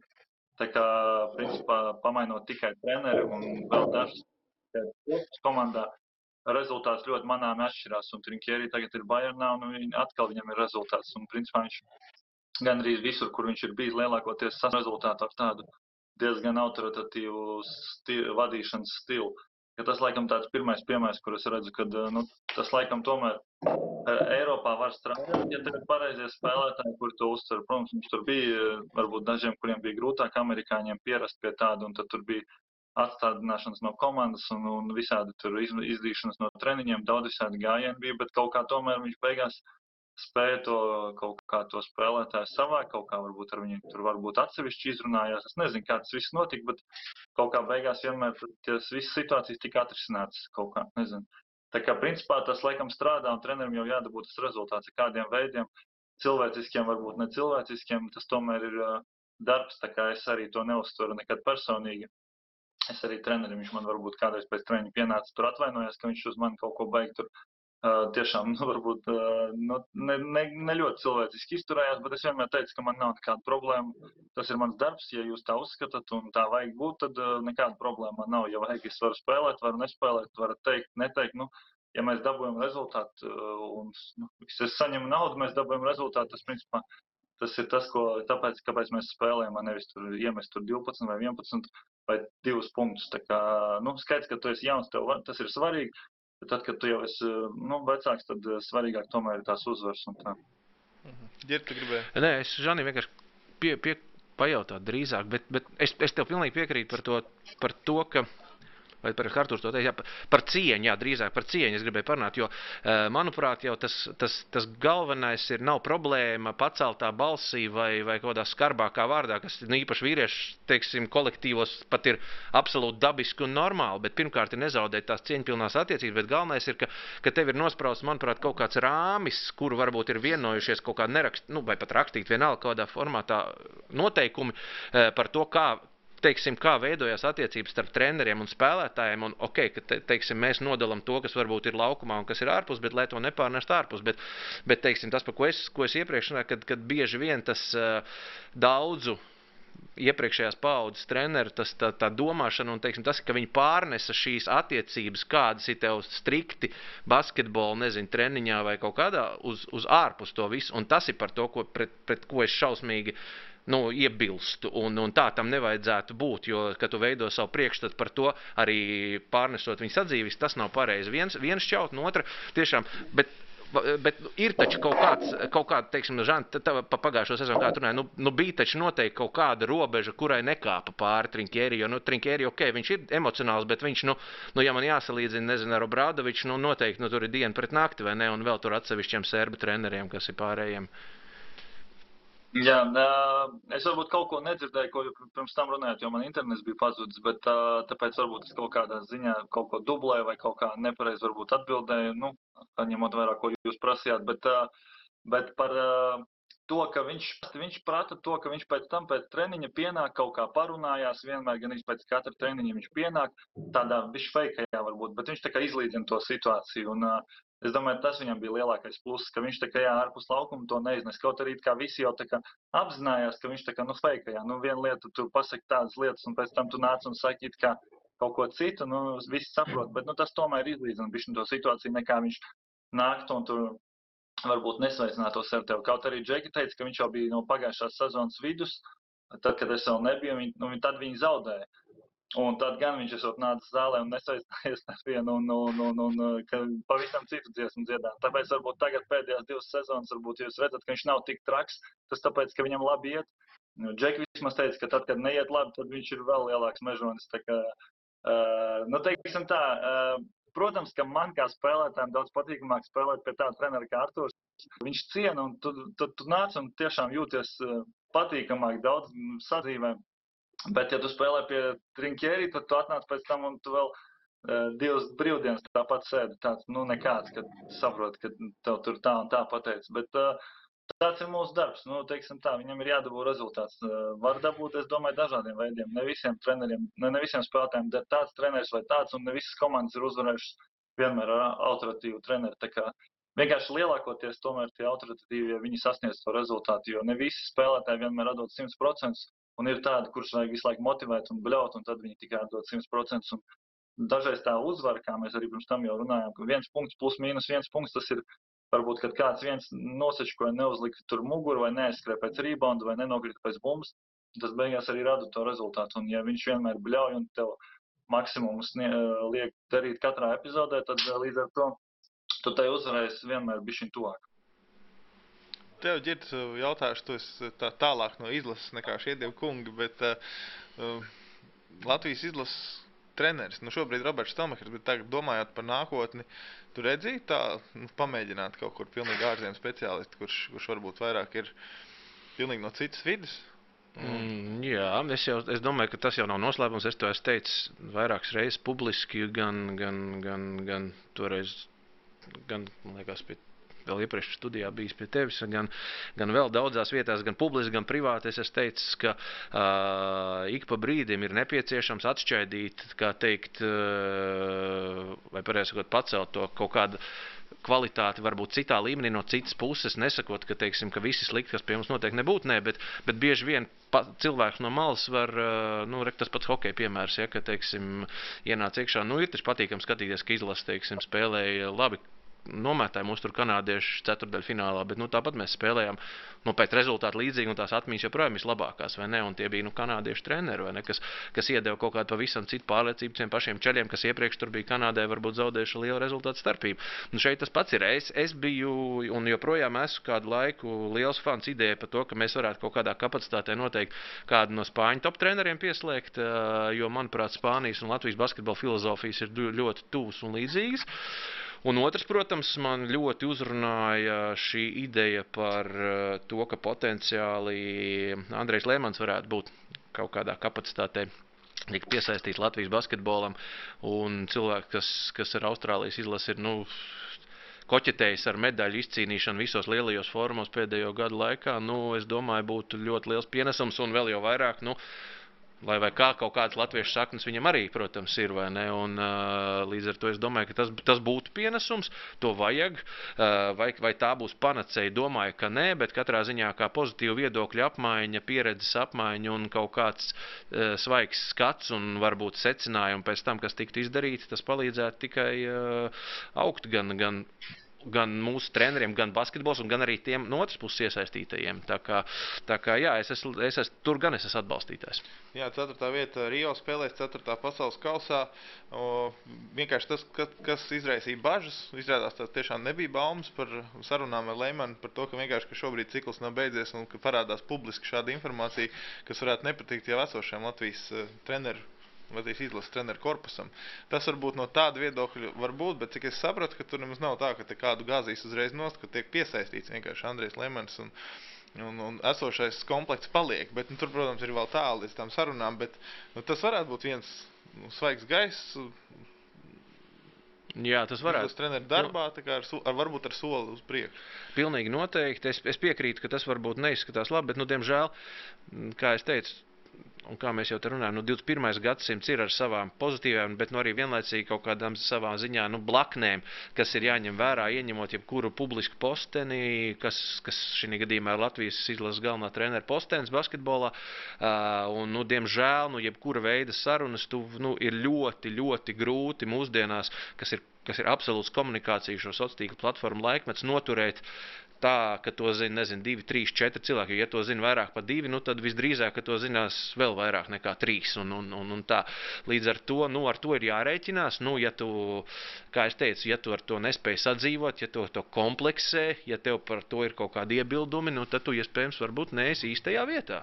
Līdz ar to tur pārmest neko nevajadzētu. Nu, nu, basketbola savienībai ir uzdevums Tāpat kā klubu vadībām ir uzdevums vienmēr meklēt labākos veidus, kā veicināt izaugsmu, kā sasniegt vairāk, domāt, domāt plašāk un, un, un, un būt atvērtiem visai pasaulē. Es domāju, ka, ka tas nav nekas, nekas nosodāms. Mhm. Vakar es runāju ar basketbolam vienu pietuvinātu cilvēku, un uh, viņš teica par iepriekšējo paudzi. Tad, uh, protams, tā slavenā tusētāja paudze tiek piesaukta vai talantīgā, bet tusētāja un tā tālāk. Bet par šo paudzi, kas šobrīd spēlē, viņš teica, uh, talantīgā, bet baigā rēķinātāja paudze, kas bieži vien varbūt ar patriotismu, nu, šad tad varbūt skarbi sakot, bet uh, zīmējās, vairāk pasaka, jā, ka es vienmēr mīlu un nu, darītu un Latvijas izlases pārstāju tā tālāk, bet nevienmēr tos vārdus arī uh, piepildu. Kā varbūt, Žani, tu raugies uz to, ka šo paudzi nosauc par talantīgu, bet rēķinātāju paudzi? Godīgi sakot, es vispār nepiekrītu šim apgalvojumam, tāpēc, ka, kā te būtu rēķinātais, tad neviens nespēlē, tāpēc, ka visiem līgumi ir vairāk nekā pietiekami un, un vairs īsti lielākajai daļai, man liekas, no 12 tur labākiem spēlētājiem, kādiem 8, 9, 10 izlasa principā baigi neko nevar dot, tāpēc, ka visi tāpat jau zina, kādi viņi spēlētāji ir, viņi pelna lielu naudu un uh, viņi domā, kāpēc man pavēlti jāspēlē, tā kā es pilnībā nepiekrītu šim apgalvojumam. Vai arī tu nepiekrīti, Artur? Jā, nu, es viņus tos spēlētājus, viņiem esmu kopā strādājis. Un Latvijas izlasē, un varbūt visu ne tik personīgi zinu kā Žants, bet es varu pilnībā piekrist Žanim, ka lielākoties tas patriotisms un vēlme būt kopā un sasniegt kaut ko, nekā tā ir nauda. Te mēs varam runāt vienīgi, protams, par atšķirībām starp top līmeni un starp vidējo līmeni. Ka tam vidējam nu, līmenim, kuram ir tomēr svarīgi nu, arī tā nopelnītā nauda vēl pēdējos gados vai vēl kaut kur. Tāpēc, ja tev ir jāizšķirās, varbūt kādreiz tas var nākt, protams, par tādu nezinu, punktu, ka tu varbūt izlēmi, nu, riskē ar traumu, vai nezinu, klubs nelaiž, vai vēl kaut kas, un tu izvēlējies palikt tajā klubā. Tas, jā, protams, jo nu, nu, ir tomēr atšķirības ar to, vai tu spēlē Eirolandā un saņem tās algas, vai tu spēlē, piemēram, Itālijā, nu, vidējā kluba komandā, kur tev ir nu, ikdienas čāli nosacīti. Kā tu raugies šo? Uh, es domāju, ka lielais vairums noteikti, es, ne, es piekrītu Žanim, ka viņš nepiekrīt, un, un, un arī Arturam, bet uh, varbūt ir kādi atsevišķi gadījumi, jā, kas rēķina, bet tie varētu būt tiešām tā krietni, krietnes mazākums, bet uh, par to nevajadzētu izdarīt secinājumu par visu sistēmu, bet kas attiecās uz to, ka. Mm, bet rēķināt jau nav slikti vienā brīdī. Nē, nē, protams, bet kas attiecās uz to, ko Artūrs minēja par to, ka, mm, ka varbūt uz, uz karjeras otro pusi, jā, tur tiešām kaut kā sāk rēķināt, jo, nu, ja tev tiešām tā, tā turpmākā dzīve, kaut kāda vismaz bāze turpmākajā dzīvē tev jānodrošina šo basketbolu, nu, nu tas vēl kaut kaut kādā ziņā varētu, nu, veterānu gadījumā būt saprotams, bet tad, tad tikpat labi ir arī otra monētas puse, kas man ļoti patīk. Tavs kolēģis eh, Niks Gaiglers bija šodien Twitter ielicis par to, kā, kā, kā veidojās attiecības starp Tomu Breidiju un, un, un Robu Gronkovski un, un galveno eh, Tampa Bay Buccaneers treneru, kur principā Tas varbūt nebija naudas ziņā, bet tādā nu, attieksmes un, un savstarpējās cieņas atkal uh, vet, pret saviem veterānu spēlētājiem un arī komandas līderiem. Par, ka, protams, par tām brīvdienām, jā, man īstenībā ļoti patika tas, un es domāju, ka tas ir tāds. Tas pierāda to, ka puses viena otrai uzticās. Un, man liekas, šeit ir svarīgi runāt arī par to, vai tiešām uh, pat ja kāds spēlētājs atsakās, tad uh, lai tā cieņa saglabātos un tā apusējā uzticība saglabātos tam, ka uh, viena puse tic, ka tiešām šoreiz spēlētājs nu, ir objektīvs iemesls, saprotot, ka viņš nav ieradies, jo nu, ir tiešām tas uh, kaut kāds. Uh, X faktors iestājas, un otrādi, lai tas nekalpotu no ot otrai pusē, ok, tad nē, mēs viņu šoreiz vairs nākamreiz neaicināsim, tāpēc, ka viņš tur toreiz man atteica un tā. Bet savukārt, kas gan attiecās Savukārt par jauniem spēlētājiem tur nu gan es uzskatu, ka, ka tāda veida atlaides varētu netikt piemērotas, jo, jo jauns spēlētājs formējās jau ne tikai kā spēlētājs, viņš formējās arī kā personība. Un ja tu personībai, nezinu, 18, 19, 20, 21, 22 gadu vecumā ļausi pateikt to, ka, hei, reku, tu esi īpašāks par, par citiem, un tev ir tiešām vēl, vēl pat varbūt nesasniedzis to, ka tev augstākos plauktiņus, lai tu varētu uh, diktēt savus noteikumus. Jo, jo, kā es teicu, ir, ir tās trīs stadijas uh, sportistiem un varbūt, nu jā, sportistiem primāri, ka sākumā tu tikai, run, uh, sākumā tu tikai spēlē, pēc tam tu spēlē un runā, un beigās tu tikai runā, un tagad, kad tu tikai runā, nu tad droši vien tev ir jābeidz spēlēt, vai ne? Lūk, un, bet Bet eh, tā, tas, ko es gribēju pateikt, jā, vēlreiz ir tas, ka jābūt šai apusē cieņai un uzticēšanai tiešām tajā galā, un savukārt uh, stingriem uzstādījumiem mazliet tajā jaunākajā galā, kur, uh, kur nu tad tev ir jāsaprot, kāpēc tu to dari. Un ka, ka ja, tu, ja tu jau sāksi 18, 20 gadu vecumā stādīt savas prasības, nu tad, tad ir skaidrs, ka ar tevi visdrīzāk ilgtermiņā būs grūtāk rēķināties, ja, ja būs citi tādi paši, kurus varēs izsaukt tavā vietā vai, vai, vai tā. Un tad neprasa, ka pēc tam pret tevi tomēr ir mazliet kaut kāds aizspriedumaināks, teiksim, priekšstats. Uh -huh. uh, labi, spēlētājs pasaka vienreiz nē, varbūt bez tāda konkrēta iemesla, ka viņš negrib spēlēt, varbūt otrais nē, vai būtu jābūt kaut, kādam, kaut kādai sistēmai, nu, kaut kādas, nezinu, sodu sistēmu. Tu man nepalīdzēji vienreiz, otrais, tad mēs tev vairs neaicinām izlasē. Nu, kaut kā drastiski, vai, vai izstrādāt kaut kādu sistēmu, kā vairāk kontrolēt to, ka tu rēķinies ar spēlētājiem, varbūt, ok, nerunājot par Eirolīgas vai NBA gadījumu, ka tur saprot, ka tas nav iespējams, bet atsevišķi gadījumi ir dzirdēti, jā, ka nevienmēr spēlētāji ir attaisnojuši iemeslu dēļ negrib spēlēt. Man? uh, nē, nu, kā jau es teicu, uh, svarīgi ir, ir saglabāt, š... teiksim tā, es domāju, ka ir jānostāda kaut kādi pamat noteikumi tam, ārpus tā, ka, kā, kā jau mēs runājam, ka izlase ir teiksim, vērtība pat par sevi. Tā ir kaut kāda identitāte, nācija, kurai tu piederi, bet ārpus tā ir, ir jānostāda skaidri spēles noteikumi, manuprāt. Jāiezīmē tas laukums, vai tas ir klubā, tāpat kā klubā, tāpat arī izlasē.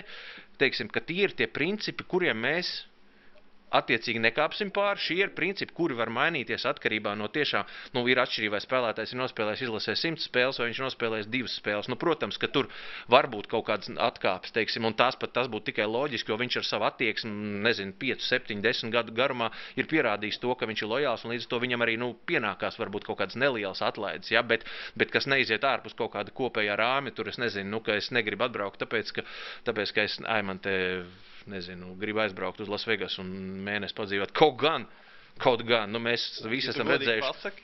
Nē, mēs visi esam redzējuši arī Čik- Čikāgas Bulls to filmu par, par, pēdējo, par, par eh, pēdējiem, pēdējo gadu un, un arī visu dokumentāliem kadriem iepriekš. Nu, par Denisu Rodmanu runājot, nu, acīm, acīm redzot, viņš bija tāds izņēmums, kuram vajadzēja speciāli īpašu pieeju, kas izgāja ārpus jebkurām normām, jebkuriem noteikumiem, bet nu, Fils Džeksons bija tāda līmeņa treneris, kurš, sa, kurš to saprata un kurš neuzstāja uz to, kurš bija pietiekami fleksibls. Un, un, un tas jau ir tā, arī tā spēja, manuprāt, kas uh, būt adaptīvam, kā spēlētājam, tā trenerim. Un, un, un nevis stingri un tā akli pieturēties tikai lūk šeit, un tad mēs tad par nekādu attīstību arī mēs nevaram nevienā jomā runāt, ja mēs tikai tādu šauru virzienu noliksim sev. Tā kā tā adaptivitāte ir ļoti svarīga, manuprāt. Artur, tu no savas puses, no treneru puses, vai tu no savas pieredzes atceries, ka ā, kā trenerim ir jāstrādā ar spēlētājiem, piemēram, par, par spēlēšanu izlasē? Kad ir kaut kādi iemesli, kad saka, es tur ne, nu, es nezinu, vai man ir jēga braukt dēļ tur trīs minūtēm laukumā, nezinu, cik man tur ir izlases galvenais treneris laidīs laukumā, vai tev ir nācies strādāt ar spēlētājiem vai viņu aģentiem, lai pierunātu? Es nevienu nekad neesmu pierunājis. Tā ir pirmā lieta, kas ir, es uzskatu, ka nav jādara. Tas ir, ir, protams, atsevišķi gadījumi, kad ir prasīts varbūt gan lomas, gan minūtes, un tur var būt kaut kāda, nezinu, neliela, varbūt kaut kādi ultimāti vai tur prasības izteikts. Bet es esmu no tiem treneriem, kurš uzskata, ka nevajag pierunāt. Tam ir jābūt, jānāk no iekšienes, pašam spēlētājam, vēlmei būt izlasē, būt daļai no tā kolektīva. Un, kaut vai, nu, un ir atsevišķi kad, kad tev kā trenerim, ja spēlētājs atnāk un ar tevi runā par kaut ko šādu, ja, nu, tad ir jāsaprot. Tas, es domāju, tas Denis Rodmēna gadījums ir ļoti liels izņēmums. Noteikums trenerim kādreiz ir jāieklausās un varbūt jāpieņem šādi izņēmumi, bet uh, nu, man nav nācies ar to saskarties. Līdz ar to es domāju, ka uh, pierunāt nevienu nevajag īpaši uz izlasi. Uh, un, viņiem pašam te jābūt galvenajai nu, dzīnulim, galvenajai motivācijai nākt un spēlēt. vienalga, kāda treneris loma iedos. Jo, ja runājot ar šiem spēlētājiem, ļoti svarīgi, viņiem visiem ļoti svarīgi ir kopā kaut ko uzvarēt. Nu, un ja tev ir šī sajūta, ka tu gribi kopā uzvarēt, nu, tad, kā Žants teica, arī, ka tu samierinies ar jebkuru lomu, ko tev treneris iedos. Galvenais, lai mēs cīnāmies par uzvaru. Žani, vai tev kādreiz kāds ir centies pierunāt? nu, atbraukt uzspēlē. nē, nē, es uz izlases, es nezinu, es kaut kā vienmēr esmu, man liekas, tā kaut kā, es nezinu, nu, vienmēr nē, bez vispār, bez runām, no pirmās izlases kaut kāds uz 16, kad man patrauc, tad es domāju, vēl joprojām man pat nevienā momentā nekad nav bijušas pat uh, šaubas vispār. Man tas ir tā kā, nu, tā kā treniņš man klubā, tā kā arī tāpat šeit. Ja zvana, tad jāiet. Nu, tur nav nekāda varianta. Tas ir tādā ziņā. Bet runājot par to, man atkal rausties varbūt daudz. Bet es gribēju vienkārši piebilst, ka par to lietu, kad kā ar tiem jauniem cīnīties, es domāju, ka nevajag nekādas viņiem likt tur uh, varbūt divu gadu diskvalifikācijas un vēl sādien, ko es domāju, ka tas ir vairāk uh, mēdīju uzdevums varbūt uh, kaut kādu varbūt nelielu pārmetumu devu veltīt tiem cilvēkiem, ja tur ir tiešām pamatotas šaubas, kāpēc viņi nepiedalās. Kā pirms tam arī daudz gan Twitterī, gan varbūt aģentiem veltīt kaut kādus uh, aizdomu pilnus pamatojumus un tā tālāk. Es domāju, ka uh, tas ir vienīgais un labākais veids, jo tad, tad cilvēks jutīsies varbūt kaut kādā ziņā izdarīs kaut ko sliktu, un nākamreiz viņš tādā pašā situācijā vienkārši piekritīs. Un, vai arī viņš, nezinu, pamainīs aģentu, vai vienkārši būs viņš pieaudz, pieaugušāks un kaut kā savādāk to situāciju pastīsies. Es domāju, ka eh, lielākoties tā ir mēdīju, teiksim, tā mēdīju uzdevums eh, šo situāciju kaut kā vērst pa labu. Jo zinu, ka, piemēram, citā Lietuvā un Serbijā Grieķijā arī ir ļoti liels mēdīju spiediens uz spēlētājiem, ja viņi atsakās. Un, Es domāju, ka viņi vienkārši domā, ka viņiem vieglāk ir tomēr aizbraukt uz to izlasi, nekā pēc tam cīnīties ar visiem tiem cilvēkiem, ka tu vairs nevarēsi iziet uz restorānu vai uz kaut kādu nakts klubu. Jā, es zinu, ka ģirbs Twitterī ir bieži aktīvi, varbūt kādu kritizēs. Es domāju, arī liels nopelns gan te, varbūt tādā ziņā viņam, mēdījiem, cilvēkiem uz ielas, es domāju, faniem kopumā, ja, ja redz kaut kādu varbūt netaisnību, vai varbūt kādreiz tieši cilvēks ir tāds rēķinātājs jau kādos 18 gados bijis, tad varbūt viņi vienkārši var izteikt savu nepatiku, un varbūt nākamais tas cilvēks aizdomāsies. Tāpēc ir skaidrs, ka nevienam nav likts spēlēt, ja negrib, tad negrib. Bet varbūt vienkārši nākamais, ja viņš šaubīsies, tad viņu var pavērst uz, uz otru pusi. Nu, Uh, precīzi, Žan, tas, tas ir tieši tas, ko es jau iepriekš pieskāros. Pirmkārt, tas tam mēdīju spiedienam ir jābūt lielākam, konkrētākam gan pret spēlētājiem, gan treneriem, ne tikai par spēlēm un par taktikām, bet arī par šādiem jautājumiem. Un tas sabiedrības spiediens, protams, ir jārada. Es arī piekrītu, ka diskvalifikācijas nav nekāds risinājums tur un tā, bet tev ir jā. No, no, no brīža, kad tu sāc apzināties sevi kā profesionāls basketbolists vai attiecīgi trener, nu, jā, trenēt, uh, tad tev ir jāsaprot to, ka tā ir kaut kādā ziņā arī tava atbildība un tev Un tevi sabiedrība vērtēs arī pēc šādiem kritērijiem. Un, un tomēr, nu, lai kā, bet nacionālais ir viens no kritērijiem. Un, ja, ja, tu, ja tu tur esi un tevi uzaicina un tu turpini atteikties un meklē dažādas iemeslus, nu, tad, tad nenoliedzami ir jāmeklē iemesli, kāpēc tas tā notiek. Tā, bet, eh, bet, protams, ir viena cita šķautne, ka. Uh, kas, kas, kas, protams, vienlaicīgi ir jārisina, ir tā, ka, eh, ja šāds spēlētājs, nezinu, divas, trīs reizes ir atteicies, bet nu, tur pārējā izlase, tur nezinu, 10, 11 cilvēki ir, eh, kā teikt, zem ēduši 4, 5 gadus no vietas, un pēc tam ir pacēlušies kaut kādā jaunā līmenī, un tad viņš ierodās, kā teikt, nu, uz balli, tagad, nu, es esmu ieradies, un tā. Nu, tad tur arī ir tāds īstenībā diezgan liels izšķiršanās jautājums, vai viņš ir nepieciešams tajā brīdī, vai, vai, vai, vai tādā veidā, kāda veida attieksmi mēs parādīsim gan gadījumā, ja viņi tomēr paņem šajā izlasē, gan kāda veida attieksmi mēs parādīsim, ja nepaņem. Tā kā tas ir tomēr ir tāds, kus, par ko ir jāvienojās. Es domāju, jānoliek kaut kādas vadlīnijas, kas nebūtu nav, nevis, nevis diskvalificējuši, vienkārši morālas dabas. Morālas dabas vadlīnijas, kuras kuras tiek noteikts kā principi nacionālās izlases darbības pastāvēšanai un, un, un uh, spēlētāju, treneru un uh, amatpersonu savstarpējām attiecībām. Es nojautu, ka mēs nonāksim līdz uh, tam, ka mēdī, mēdī ir līdzvainīgi. Es, protams, tam piekrītu, bet no otras puses, nu, kaut vai ņemot kaut kādus piemērus no preses konferencēm, kas ir bijušas, tad, kad paziņo kandidātu sarakstu, tad bieži vien no galvenā trenera izskan, nu, tur daži, dažādi iemesli dēļ, tur nav ieradies, nu, vai tur trauma vai kas īsti nav skaidrības, tad nu, netiek nosaukts lietas īstajos vārdos, kas uzreiz medijiem tā kā radītu vēl lielāku interesi vai āķi izmest par to, ok, mēs tūlīt paraksim dziļāk, jo, nu, es nezinu, no atšķirībā no, piemēram, Olimpiskās vienības sportistiem, kur ik mēneši maksā algu no nodokļu maksātāja naudas, un tad tas, viņš pasaka, vai es tur nebraukšu uz Eiropas čempionātu, tur slikti jūtos, tad tu sāc tur prasīt, pagaid, tu saņem algu, tad kāpēc tu nebrauc? Un spēlētāji basketbolisti tomēr nestāv tik tuvu blakus, un tu nevari zināt, vai viņam sāp tas sahils vai nē, vai viņš tur rēķina vai nē. Un tad ir jautājums, vai, vai nevajadzētu būt varbūt no LBS vai no, no Latvijas izlases puses tādam skaļāk, nu, tā kā būt atvērtākiem vienkārši pret medijiem, pret visu sabiedrību un saukt lietas īstajos vārdos. Nu, Jā, Viņš negrib, viņš tik mums pateica, ka viņš negrib braukt, jo viņam nebūs 16 minūtes laukumā vidēji Eiropas čempionātā. Nu, viss, tas ir virsraksts.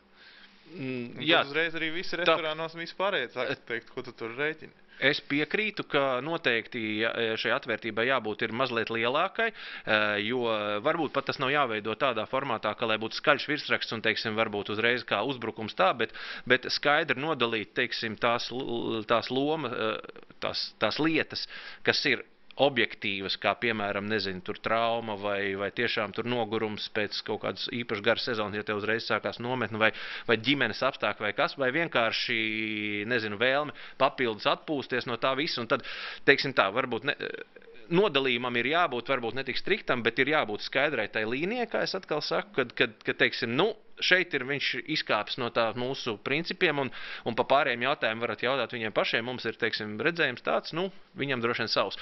Līdz ar to, jā, es domāju, ka tam, ta, tam nodalījumam jābūt kaut kādam tādā veidā. Mhm. Nu, jā, es uh, uzzvanīju vakar zvans uz Latvijas Basketbola Savienību tieši ar šādu jautājumu, vai, vai šobrīd ir kāds nu, gadījums, kurš uzreiz nāk, uh, nāk, nāk prātā tieši par šo tēmu domājot, nu, ka kāds kaut, kur, kaut kādu iemeslu dēļ ir pateicis neizlasējuši šo sabraukumu. Tad viens uh, teica konkrēts vārds uzvārds Artūrs Strautiņš, kurš ir pateicis un, un prasījis uh, minūšu skaitu, cik es nospēlējuši minūtes un negribās iziet no spēļu ritma.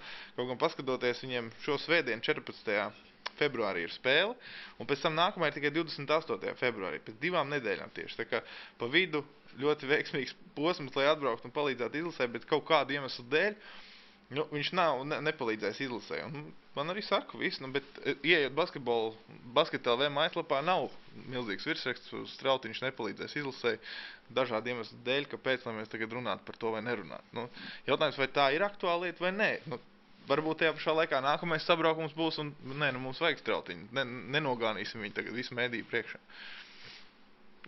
Varbūt jūsu viedokļi par šo. Es es uzskatu, ka noteikti, nu, eh, ka skaidrojušai funkcijai jābūt. Ir vien, vienīgi, man liekas, tā problēma ir tāda, ka šobrīd tā skaidrojušā funkcija tiek uzlikta uz uh, treneriem tajās preses konferencēs, kur pirms, nezinu, pirms eh, sabraukuma, ja tur, piemēram, Robertam Štelkam tiek jautāts šie jautājumi. Manuprāt, ka trenerim ir jātrenē, viņam nav jāskaidro šādas atteikuma iemesli, jo treneris ir tas, kurš viņam ir kaut kāds konkrēts skaits cilvēku, kuri ir piekrituši, un viņš ar viņiem arī strādā, viņš plāno, kā to darīt. Es domāju, tā skaidrojošā funkcija noteikti jāuzņemās pašiem spēlētājiem vairāk, ir, un, uh, un noteikti arī var palīdzēt Basketbola savienība, bet uh, es pilnīgi piekrītu, ka ir jābūt tādam nu, skaidrākam un caurspīdīgākam. Un tad arī neviens, arī, man liekas, neapvainosies, neviens arī tur, arī, arī mēdīji un arī parastie ikdienas cilvēki līdzjutēji to uztver saprotoši. Tas ir tikai normāli, kad ir kaut kādas situācijas dzīvē, ka tu nevari piedalīties, nevari palīdzēt vai, nu, nezinu, emocionālie ģimenes vai kāds cits fiziskie stāvokļi. Tā kā, jā. Žani? Jā, nu es domāju, mums diezgan maza valsts, un visi plus mīnus jau zina tos iemeslus, vai kādreiz uzzina tāpatās, vai kaut kur kāds pasaka, pastāst un tā tālāk. Tā kā baigi jau to visu nevar nos, nu, noslēpt, un tad jau visi paši izvērtē, vai tas iemesls bija objektīvs vai nebija objektīvs. Uh, es uzskatu, ka Strautiņš šajā sabraukumā bija vajadzīgs, tāpēc, ka viņš labā formā bija. Diemžēl es tiešām nezinu pat tā aptuveni, kad viņš atteicās, nebija nekur to informāciju. Bet ļoti žēl, ka tā ir. Bet noteikti tāpat kaut kādā momentā tas uzpeldēs un kaut kā atspērs, ja tas nebija pamatots, es domāju, viņam nu, lēmums, tiksim tā. Nu, ja tā ir taisnība, ka cilvēks, kā teikt, pietiekami vēl savā agrīnā karjeras posmā jau sāk uzstādīt teiksim, prasības par to, kā tev, cik minūtes nacionālajā izlasē tev ir jābūt, un ka tu tur esi nospēlējis varbūt, nezinu, cik viņam ir pāris spēles, varbūt, ja, un uh, par to, ka uh, nebūtu tu neesi, tu nespēlē tu, tu neesi tāda līmeņa vēl spēlētājs, lai tu pirmkārt pēc savu vecumu un arī pēc savas meistarības varētu to atļauties. Un gal galā tas nu, liecina tikai to, ka, okay, kā es teicu, nu, pārsteidzīgs secinājums var neizdarīt. Protams, katram jaunībā gadās kļūdas, un kurš nav gan izteikumos, gan darbībās kaut ko tādu paveicis. Bet nu, ir jāskatās, vai tas ir teiksim, vienreizējs gadījums, vai tas jau kļūst par tādu recidīvu. Un, un, un, ja tas sāk atkārtoties, nu, tad ir acīm redzot jāizdara secinājumi par šī spēlētāja prioritātēm uh, basketbolā un vispār dzīvēm. Bet varbūt aģenti tur lielākās vainas. Aģenti, aģenti, protams, nu, to jau mēs, nu, es domāju, ka nu, nevienam te nav noslēpums, ka aģenti ir īpaši tāda interesanta, uh, interesanta uh, šķira basketbolā kur, protams, tev daudz var izdarīt, daudz var izdarīt uh, tavā izaugsmē, bet, protams, viņiem primāri ir domāts par to, lai lai, lai, lai eh, spēlētājs nopelnītu, eh, nopelnītu aizvien lielākus līgumus un veidotu to karjeru, kas, protams, nes līdzi arī aģenta ienākumus tiešā veidā, gan arī netiešā, jo tas viņam palīdz rekrutēt jaunus spēlētājus un tā. Un, un bieži vien, diemžēl, jāatzīst, nu, izlase nav tur tajā fokusā, un tā ir tā viena no problēmām, ko ir kas ir jāuzrunā, kas ir jāizrunā. Un to, kā es domāju, vēlreiz, vēl vienreiz atkārtošos, to var atrisināt tādā veidā, ja nosacīta basketbola savienības vadība, un es arī piekrītu, tiešām tas nav jādara treneriem, tas ir jādara vai nu izlases direktoram, vai, vai nezinu, basketbola savienības ģenerāla sekretāram, vai, vai prezidentam, vai valdē vienalga kam, bet ir jānodefinē tie principi, pēc kādiem mēs, nezinu, tuvākos 5, 7, 10 gadus mēs tagad strādāsim visās izlasēs, sākot no, no, no junior, jauniešu junioriem un beidzot ar pieaugušo izlasēm. Un tad nevienam nebūs jautājumu, un tad, un tad būs arī pamatoti e, nopēlumi presē, tad būs pamatots arī sabiedrības sašutums, kad visi redzēs, ka spēles noteikumi skaidri un viens konkrēts vai divi konkrēti spēlētāji tos ignorē, prasot sev kaut kādu speciālāku, privileģētāku pieeju, un, un, un nu, tad, tad, tad, tad, kā teikt, nu, viņi arī būs tie soļi. -hmm. Žāni, tad uh, varbūt pieliekot punktu šai sarunai, uh, tev kā izlases basketbolistam, jā, tad uh, mēs te runājam pirms tam par to Eiropas čempionātu, varbūt prestižu nedaudz zaudēšanu ar visu to FIBA, FIBA un Eirolīgas strīdu. Mēs runājam varbūt par atsevišķu spēlētāju, varbūt nespēlēšanu tā tālāk, kur to, ka neviens nesaņem naudu spēlējot izlasē, jā, protams, apdraud savu veselību un savas karjeras, piemēram, traumu gadījumā, tāpēc ir apdrošināšanas un viss kaut kas, bet varbūt Nu, tā skaisti noslēdzam ar to, ka tu pasaki, pēc kā tu brauc, eh, tad, kad tu uzvelc vienalga kādam turnīram vai atlases eh, ciklam to Latvijas izlases kreklu, kas ir tas, pēc kā tu tiecies, kas ir tās emocijas vai tie spēlētāji vai tās sajūtas, kas ir laukumā, jā, varbūt pastāst. Nu, es domāju, ka no visa pa, pa bišķiņam, bet uh, lielākoties jau tas ir es to pat varbūt vairāk pat uzskatu kā pienākumu. Es pat, teiksim tā, ja man pat viss tur nepatiktu, un es zinātu, ka man nelaidīs laukumā, man besītu visi spēlētāji, treneris un tā tālāk, es tāpat bez jebkādām ierunām brauktu. Tā kā es domāju, te ir vairāk tāds kā uh, pienākuma, uh, pirmais kā, kā pamatprincips, principā. Bet, uh, Otrakārt, protams, tās emocijas, kas bija, nu, nezinu, pēdējā Eiropas čempionātā, kad tiešām uh, ļoti liela bija ažiotāža ne tikai no, no, teiksim, tā, no Latvijas faniem, bet vienkārši tur daudz cilvēku man rakstīja, kurus es nezinu, 15 gadus nebiju redzējis un vispār nebiju iedomājies, ka viņi kādreiz sportu skatītos, ka viņi man tur raksta un tā tālāk. Un tad no, no citām ārzemēm tur mēs aizbraucam kaut kur spēlēt. Un, Tur kaut kādi cilvēki vienkārši arī no, no ielas tur kaut kā atpazīst un saka, rekur, tur Eiropas čempionātā redzēja un tā tālāk. Un kaut kā, nu, tu saproti, ka tā ir pavisam cita skatu. To nevar salīdzināt ne ar vienu klubu, basketbolu vai,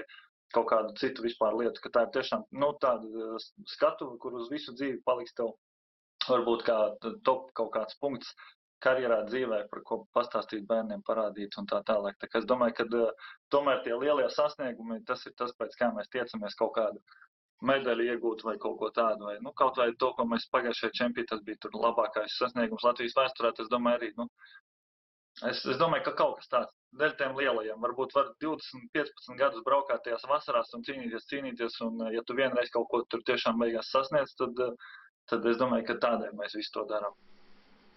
Paldies! Ar pēc iespējas ātrāk atgriešanos basketbola laukumā, Žan. Paldies tev! Paldies jums visiem! Varbūt Artur un Girts jums ir vēl kaut kādi gala vārdi.